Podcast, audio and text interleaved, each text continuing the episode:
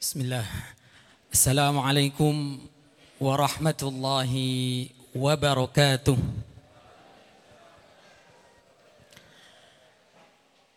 الحمد لله الحمد لله رب العالمين والصلاة والسلام على خاتم النبيين والمرسلين وعلى آله وأصحابه ومن تبعهم بإحسان إلى يوم الدين أشهد أن لا إله إلا الله وحده لا شريك له وأشهد أن محمدا عبده ورسوله لا نبي ولا رسول بعده. قال الله تعالى في القرآن الكريم أعوذ بالله من الشيطان الرجيم. ولنبلونكم بشيء من الخوف والجوع ونقص من الأموال والأنفس والثمرات. وبشر الصابرين الذين إذا أصابتهم مصيبة قالوا إنا لله وإنا إليه راجعون. وقال رسول الله صلى الله عليه وسلم في حديثه الشريف أحب الأعمال إلى الله أدوامها وإن قل الحمد لله بجي شكر kehadirat Allah Subhanahu wa taala yang sampai detik sore hari ini Allah senantiasa memberikan sebuah karunia nikmatul iman, nikmatul hidayah. Sehingga dengan nikmat itu Allah meringankan langkah kaki kita untuk menghadiri majelis ilmu. Yang mana ini artinya Allah Subhanahu wa taala menginginkan kebaikan kepada kita semuanya. Bapak-bapak, ibu-ibu, ada yang terpaksa datang ke sini? Insya Allah enggak ada. Datangnya Bapak Ibu hadirin semua ke majelis ilmu ini bukti bahwa Allah ingin memberikan kebaikan kepada kita semuanya. Ketika Allah berkehendak memberikan sebuah kebaikan kepada seorang hamba adalah dengan memahamkan seorang hamba tersebut terhadap urusan agamanya. Bukan dilancarkan bisnisnya, bukan. Bukan ditaikkan jabatannya, warungnya laris dan lain sebagainya, tenarnya tambah di masyarakat. Tidak. Akan tetapi baginda Nabi Muhammad sallallahu alaihi wasallam beliau mengatakan Man barang siapa yuridillahu bihi khairan yang Allah kehendaki dalam dirinya sebuah kebaikan maka yufaqihu fiddin maka Allah akan memahamkan kepadanya urusan-urusan agama. Ya tentu hal itu ada di majelis ilmu. Dan ini merupakan nikmat besar yang harus kita syukuri. Tak lupa salawat dan salam semoga senantiasa tercurahkan kepada baginda Nabi Muhammad sallallahu alaihi wasallam, keluarganya, para sahabat dan juga umatnya kita semua yang senantiasa mengharap syafaat beliau di hari kiamat nanti. Bapak-bapak, ibu-ibu, adik-adik yang dirahmati Allah Subhanahu wa taala, setiap insan itu pasti dia mengharapkan yang namanya bisa hidup bahagia, bisa mendapatkan kebahagiaan, bisa mendapatkan nikmat bahagia baik ketika dia hidup di dunia maupun bahagia ketika di akhirat nanti. Akan tetapi sunatullah mengatakan lain. Tidak mungkin seorang hamba itu bahagia terus. Begitu juga sebaliknya tidak mungkin seorang hamba akan Allah uji terus menerus. Sunatullah dalam kehidupan itu ibarat roda yang berputar. Ada kalanya yang nama kehidupan pasti Allah berikan kebahagiaan. Kemudian mendapatkan ujian. Naik lagi, bahagia lagi, susah lagi, bahagia. Dan begitu juga seterusnya. Dan itu adalah konsekuensi seorang hamba yang hidup di dunia. Kapan seorang hamba selesai dari ujian? Ya nanti ketika inda awwalu qadama abdin ketika langkah kaki seorang hamba masuk surga selesai ujiannya. Dan ini dijanjikan oleh Allah Subhanahu wa taala termaktub dalam surat Al-Baqarah ayat 155 sampai 156. A'udzu billahi minasyaitonir rajim. Bismillahirrahmanirrahim. Walanabluwannakum. Bapak-bapak, ibu-ibu, adik-adik, dalam bahasa Arab kalau kita jumpai di sebuah kata ditambah lam ataupun nun tasydid itu artinya menunjukkan sesuatu itu pasti terjadi dan terjadi. Allah menguatkan sebuah ungkapan ada yang menggunakan penguat lam saja, kemudian ada yang dikuatkan lagi dengan nun tasydid seperti yang terdaktub dalam surat Al-Baqarah ini.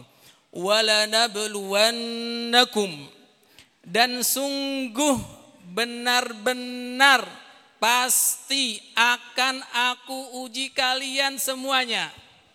Pasti tanpa terkecuali. Walaupun mungkin kita melihat sekarang ada seseorang ya Allah, dia sudah dari dunianya dikasihkan harta berlebih. Keluarganya sehat-sehat, ganteng-ganteng, bisnisnya lancar dan sebagainya, seakan-akan tidak memiliki ujian. Kita aja yang nggak tahu. Sama aja, Allah berjanji wala nabluwannakum. Pasti dan pasti aku akan menguji kalian semuanya bisyai'in dengan sesuatu minal khauf rasa takut tidak sedikit di beberapa daerah orang yang berusaha istiqomah mengajarkan ajaran Islam, melaksanakan syariat Islam dengan baik, katakan berhijab, ataupun rutin sholat ke masjid akan ada sesuai itu yang kurang enak di daerah-daerah tertentu ancaman-ancaman ataupun ancaman berupa lisan. Orang yang berusaha melaksanakan syariat-syariat Allah akan dikucilkan di sebagian daerah diomongi. Katakan yang mungkin berusaha mengamalkan salah satu hadis Nabi Shallallahu Alaihi Wasallam, misalnya bercelana cingkrang kebanjiran dan sebagainya gitu, menyakitkan hati. Bercadar yang itu merupakan afdoliyat, keutamaan ninja dan lain sebagainya itu menyakitkan hati. Itu merupakan sebuah ujian yang pasti dirasakan oleh kita semuanya. Dan setiap kita merasakan ujiannya berbeda-beda. Minal khauf, rasa takut. Wal kemudian rasa lapar. Di antara kita, masyarakat kita ada yang makan tidak bisa tiga kali sehari. Penghasilannya pas-pasan dan lain sebagainya. Wa naqsim minal amwal. Harta pas-pasan juga, bekerja siang malam pagi tapi gajinya enggak seberapa. Wathamarat tumbuhan-tumbuhan buah-buahan yang kita tanam ketika dipanen tidak sesuai dengan yang kita harapkan itu merupakan sebuah kepastian dari Allah Subhanahu wa taala. Wa naqsim minal amwali wal anfusi. Ada yang meninggal kita saudara kita ibu kita ayah kita. Wa thamarat wa basyiris sabirin akan tetapi di antara sekian banyak ujian yang Allah berikan ke kita, Allah menutup dengan ayatnya wa basyiris sabirin. Berikanlah kabar gembira kepada orang-orang yang sabar. Siapa itu orang-orang yang sabar? Dilanjutkan dalam firman-Nya, alladzina idza asabatuhum musibah. Orang yang sabar mereka ketika Allah timpa sebuah ujian, qalu mereka akan berkata, inna lillahi wa inna ilaihi raji'un. Sesungguhnya kita ini milik Allah Subhanahu wa taala dan kita akan kembali kepada Allah Subhanahu wa taala. Hadirin Bapak-bapak, Ibu-ibu, adik-adik yang dirahmati Allah Subhanahu wa taala. Aduh maaf. Ketika seseorang kebanyakan orang itu Bapak-bapak Ibu ya ketika ditanya nikmat misalnya maka kalau berbicara tentang nikmat, yang ada dalam benak kita adalah sesuatu yang menyenangkan. Sesuatu yang menggembirakan hati. Adapun musibah adalah sesuatu yang kurang menyenangkan hati. Di satu sisi kita lihat bisa jadi iya, di satu sisi kita lihat bisa jadi tidak. Karena apa? Seseorang ketika Allah berikan nikmat, tadi ayah Heri mengatakan Kemudian dengan nikmat itu justru dia makin lupa, makin kufur, meninggalkan kewajiban-kewajibannya kepada Allah Subhanahu wa taala, maka justru nikmat itu menjadi sebuah musibah besar. Atau kita kenal dengan istilah istidraj. Pernah ya Sholatnya ya wallahu alam lima kali sehari atau tidak, jarang ke masjid, sehat, rezekinya lancar, bisnisnya lancar, luar biasa. Seakan-akan di pandangan kita sebuah nikmat adalah seperti itu. Akan tetapi justru dengan nikmat yang Allah berikan seperti itu dia lalai atau kepada kewajiban kepada Allah Subhanahu wa taala, maka itu merupakan musibah yang sangat besar. Dan sebaliknya ketika seseorang diuji Allah Allah Subhanahu wa taala dengan berbagai kesusahan, sakit, kekurangan ekonomi, makan susah, dan lain sebagainya. Dengan itu dia makin ingat kepada Allah Subhanahu wa taala. Dengan ujian itu dia makin dekat dengan Allah Subhanahu wa taala, maka wabasyiris sabirin. Sungguh yang demikian itu merupakan suatu nikmat yang luar biasa. Sarah seorang salaf ada yang mengatakan beliau Abdul Malik bin Abjar.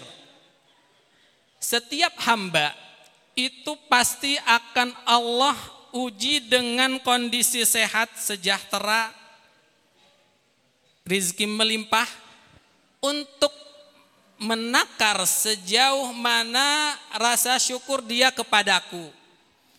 Dan orang yang lain juga pasti akan aku uji dengan kekurangan harta, dengan sakit dan lain sebagainya untuk menimbang seberat mana rasa sabar dia terhadap ujian yang aku berikan. Artinya baik itu nikmat maupun ujian sebenarnya dua-duanya bisa dimaknai nikmat semuanya, tergantung bagaimana kita mensikapinya. Rasulullah Shallallahu Alaihi Wasallam ini ada bersabda di sebuah hadis yang sangat indah, riwayat siapa saya Muslim kalau nggak salah.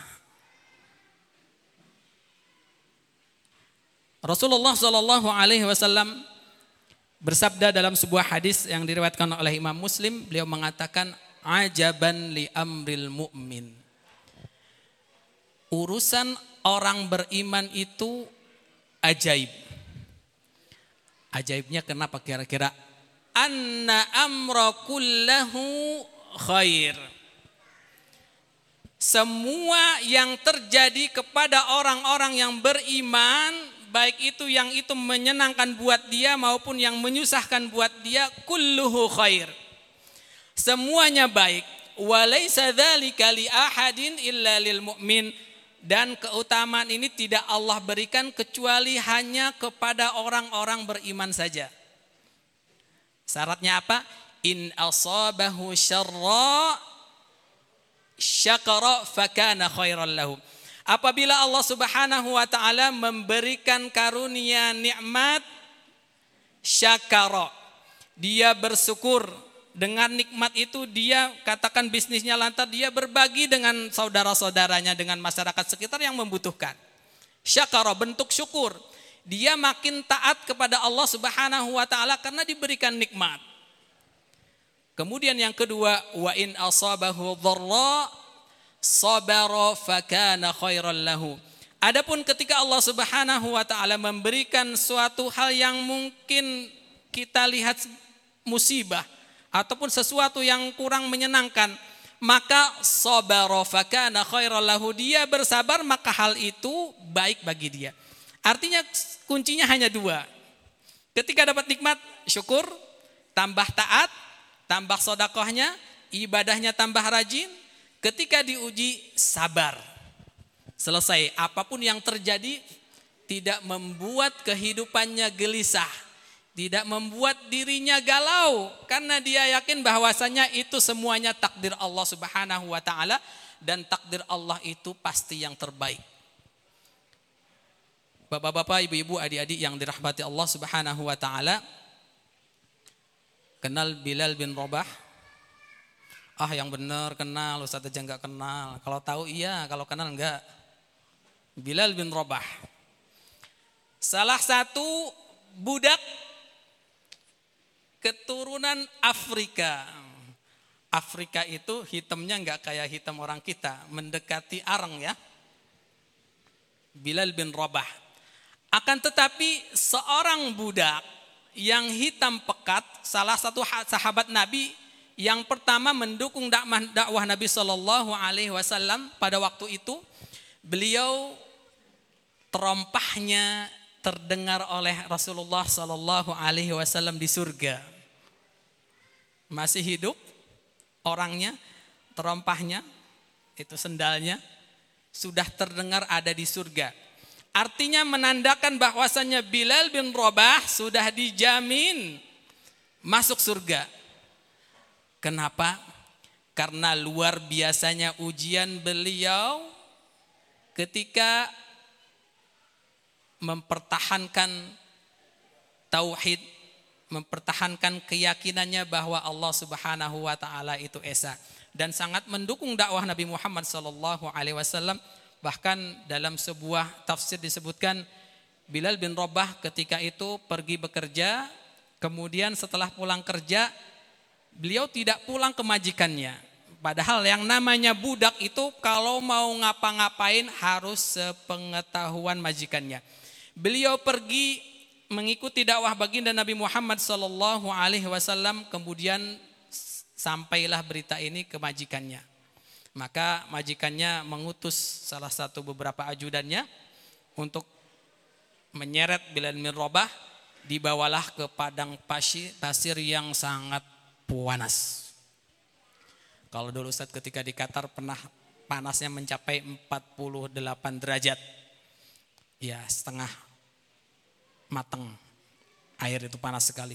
Kemudian dibaringkan Bilan bin Rabah, diikat kedua tangannya, kakinya diikat semuanya, kemudian ditindihkan ke badannya batu besar. Agar Bilal meninggalkan keyakinannya bahwa Allah subhanahu wa ta'ala adalah satu-satunya zat yang berhak untuk disembah dan diibadahi. Akan tetapi apa yang beliau katakan? Beliau mengatakan ahad, ahad, ahad, Allah Maha Esa, Allah Maha Esa, Allah Maha Esa. Sampai-sampai kaum kafir Quraisy waktu itu pesimis disiksa kayak apa beliau malah senyum dan selalu mengatakan ahad.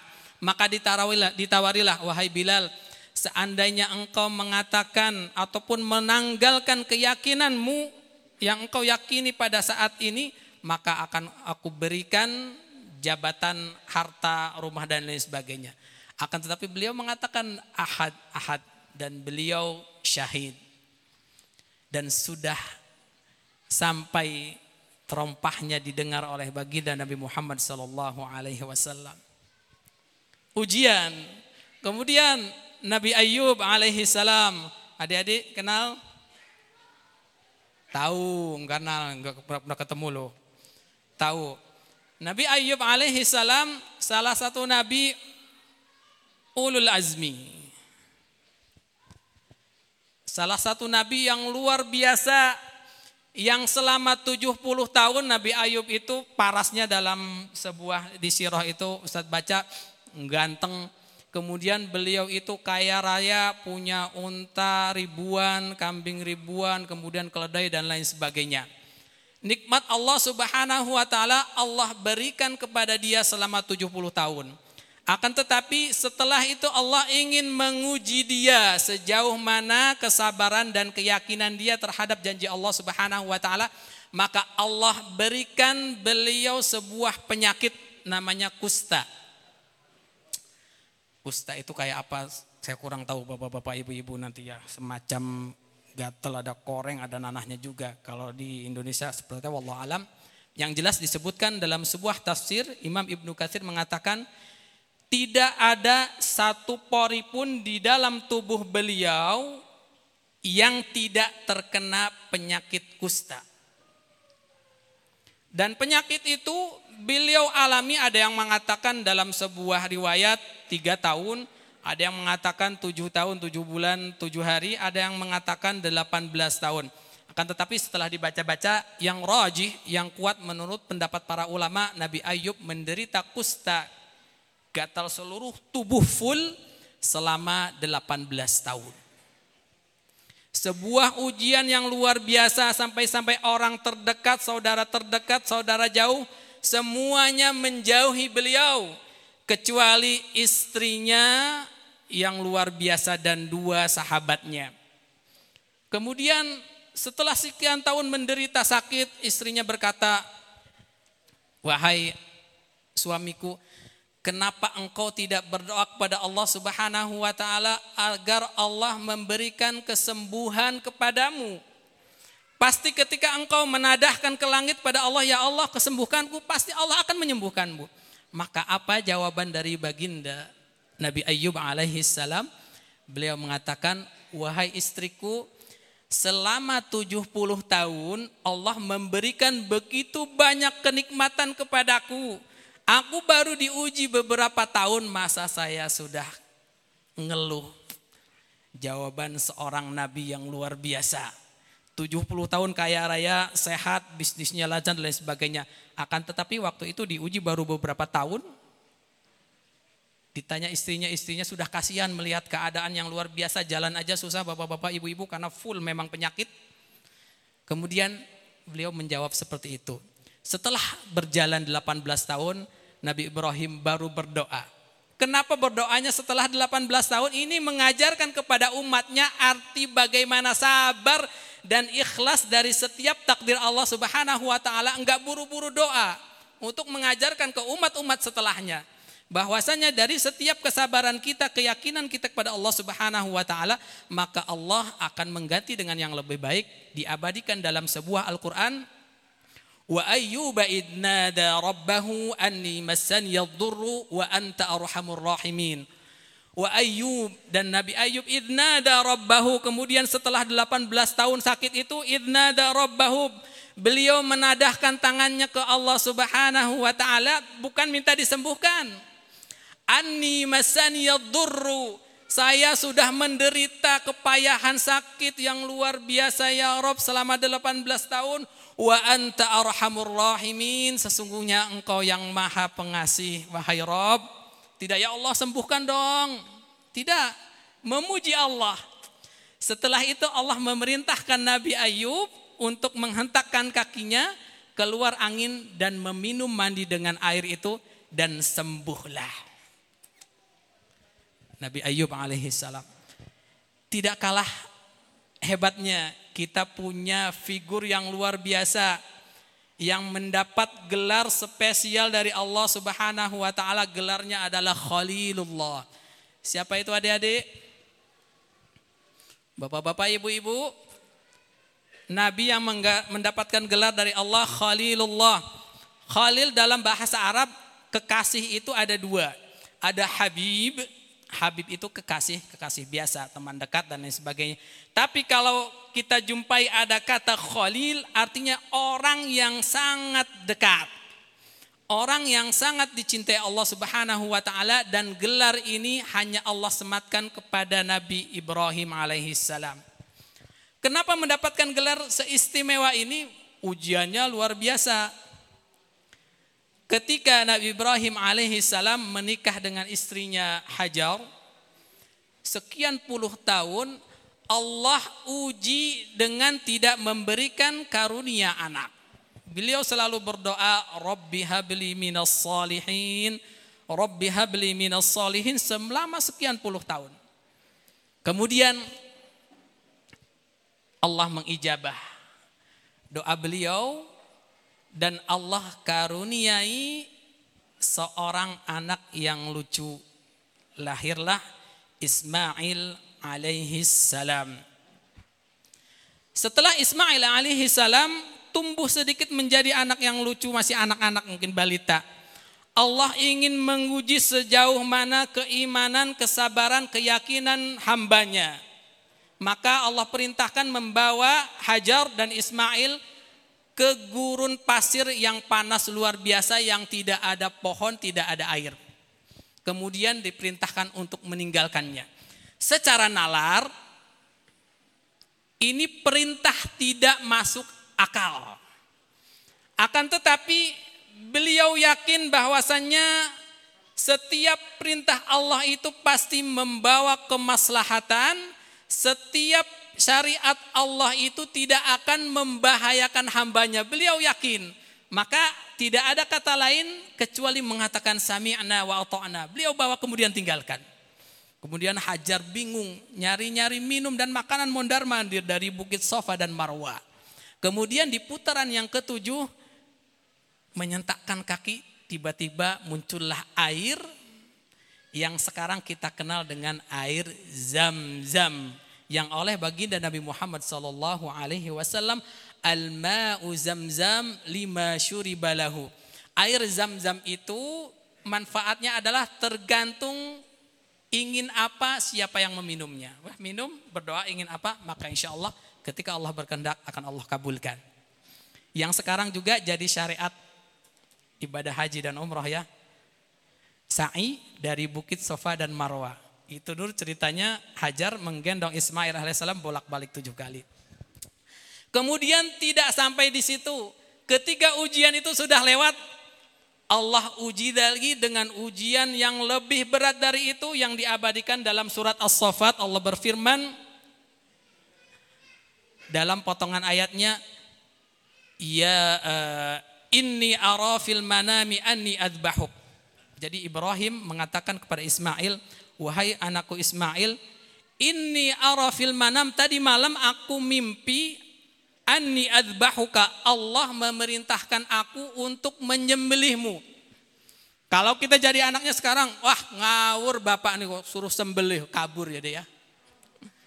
Akan tetapi seorang Ismail anak yang solih dari bapak tauhid kita Ibrahim alaihi salam mengatakan ani arafil mana mi ani adbahuka fangdun madza tara. Menurut kamu gimana wahai Ismail? Maka apa jawaban Ismail alaihi salam? Ya abatif al ma tu'mar. Wahai bapakku, kalau memang itu perintah dari Allah Subhanahu wa taala, lakukan saja. Satajiduni insyaallahu minas sabirin.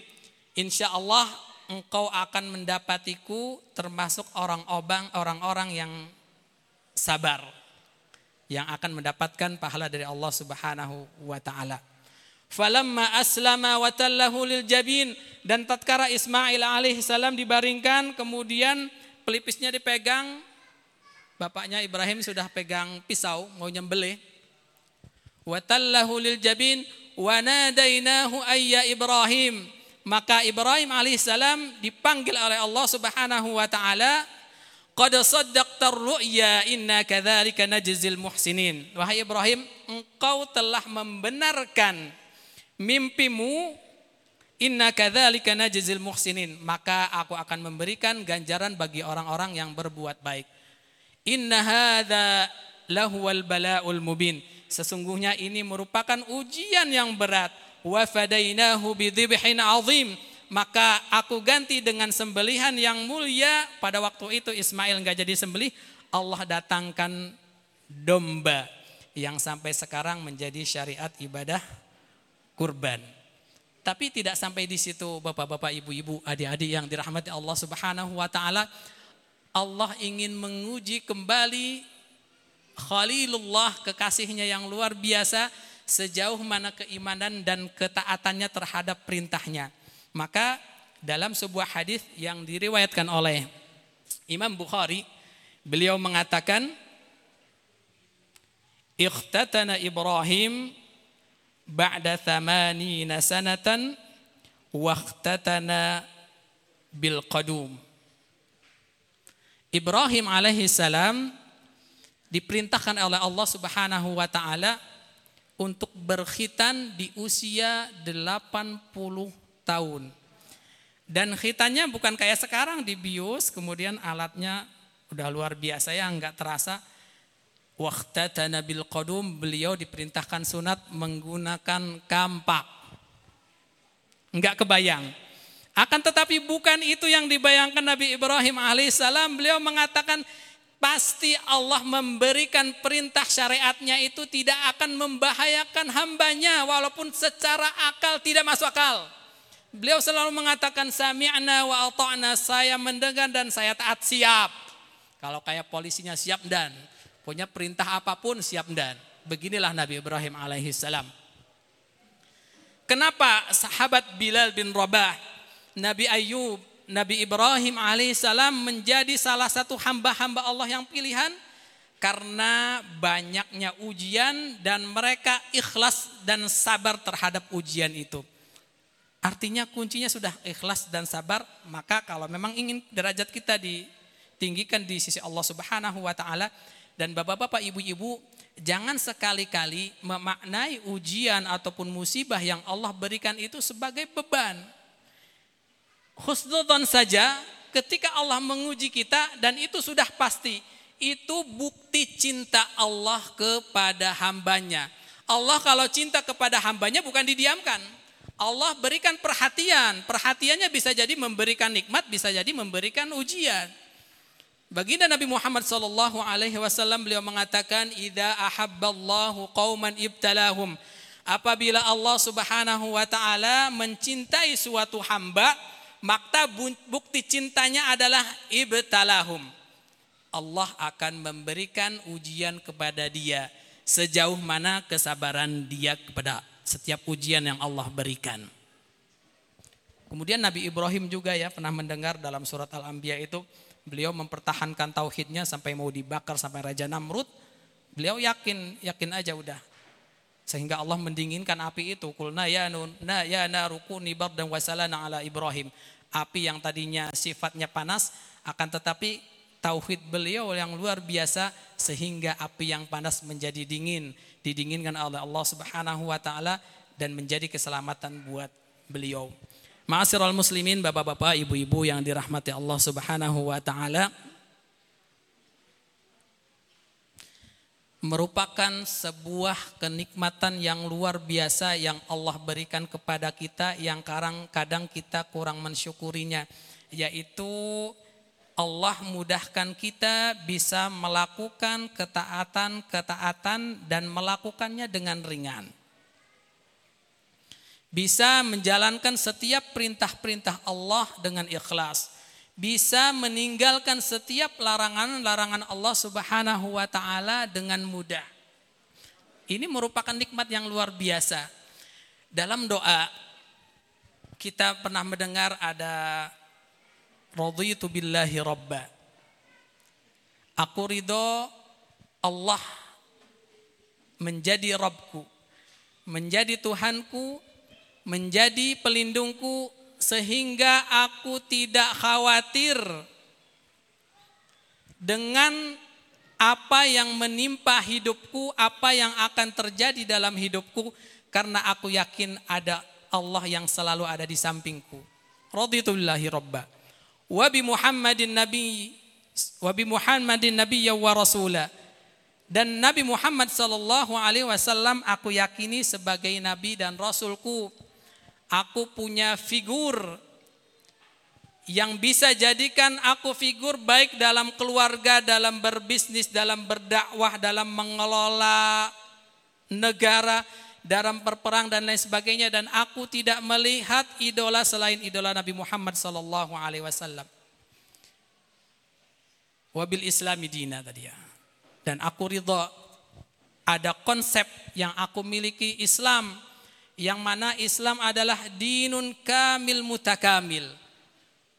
Agama yang sempurna yang menyempurnakan agama-agama sebelumnya yang tidak ada satu syariat pun yang tertinggal kecuali diajarkan dalam Islam ini. Dari mulai bangun tidur sampai mau tidur ada aturan dalam Islam. Bapak-bapak, ibu-ibu yang dirahmati Allah Subhanahu wa taala, Rasulullah Shallallahu Alaihi Wasallam Masih cukup waktunya. Bersabda dalam sebuah hadis yang diriwayatkan oleh Imam Tabrani, beliau mengatakan, "La tazulu qadama 'abdin yaumal qiyamah hatta yus'alu an arba' hisalin." Seorang hamba langkahnya tidak bergeser pada hari kiamat nanti kecuali dia akan ditanya terkait empat hal. Yang pertama, an umrihi fi ma'afnah. Terhadap umur yang Allah berikan kepada kita semuanya untuk apa dia gunakan. Maka besok ketika Allah bertanya ini kita akan menjawab, Ya Rob, pada hari Jumat sore ini saya rutin ngikuti kajian. Di rumah saya rajin membaca Al-Quran, sholat lima waktu, menghadiri majelis-majelis ilmu dan lain sebagainya. Alhamdulillah, insya Allah kita punya jawaban ketika Allah subhanahu wa ta'ala bertanya besok. Kemudian wa'an syababihi fima ablah. Waktu muda digunakan untuk apa adik-adik? Masya Allah setiap hari Ustadz lihat kalau mampir ke Zabisa tidak kenal pagi sore di atas di bawah di pojokan semuanya membaca kalamullah yang insya Allah besok akan bersaksi di hadapan Allah Subhanahu wa taala ketika seorang hamba waliyadzubillah dimasukkan ke neraka maka Al-Qur'an akan datang ya Rob dulu si fulan dia membacaku pagi siang sore malam maka aku tidak ridho dia masuk neraka kembalikan dia ke surga ke surga Insya Allah adik-adik ya semoga Al-Quran yang kita baca menjadi syafaat kita di hari kiamat nanti Wa an malihi min aina iktasabta wa fima. Kemudian Bapak-bapak, Ibu-ibu terkait harta ini. Yang pertama, Islam mengajarkan tidak hanya mencari harta dengan cara yang halal. Akan tetapi Islam juga memerintahkan menyalurkannya untuk yang apa? Untuk yang baik-baik karena besok akan dihisap. Hisab harta yang pertama akan ditanya oleh Allah Subhanahu wa taala, "Min aina iktasabta?" kamu dapat duit itu dari mana? Saya kerja halal ya Allah. Saya bekerja, berjualan, berbisnis dan lain sebagainya. Oke, selesai lewat. Akan tetapi besok ditanya, wa fima anfaqa? Harta yang engkau datakan, engkau dapatkan untuk apa?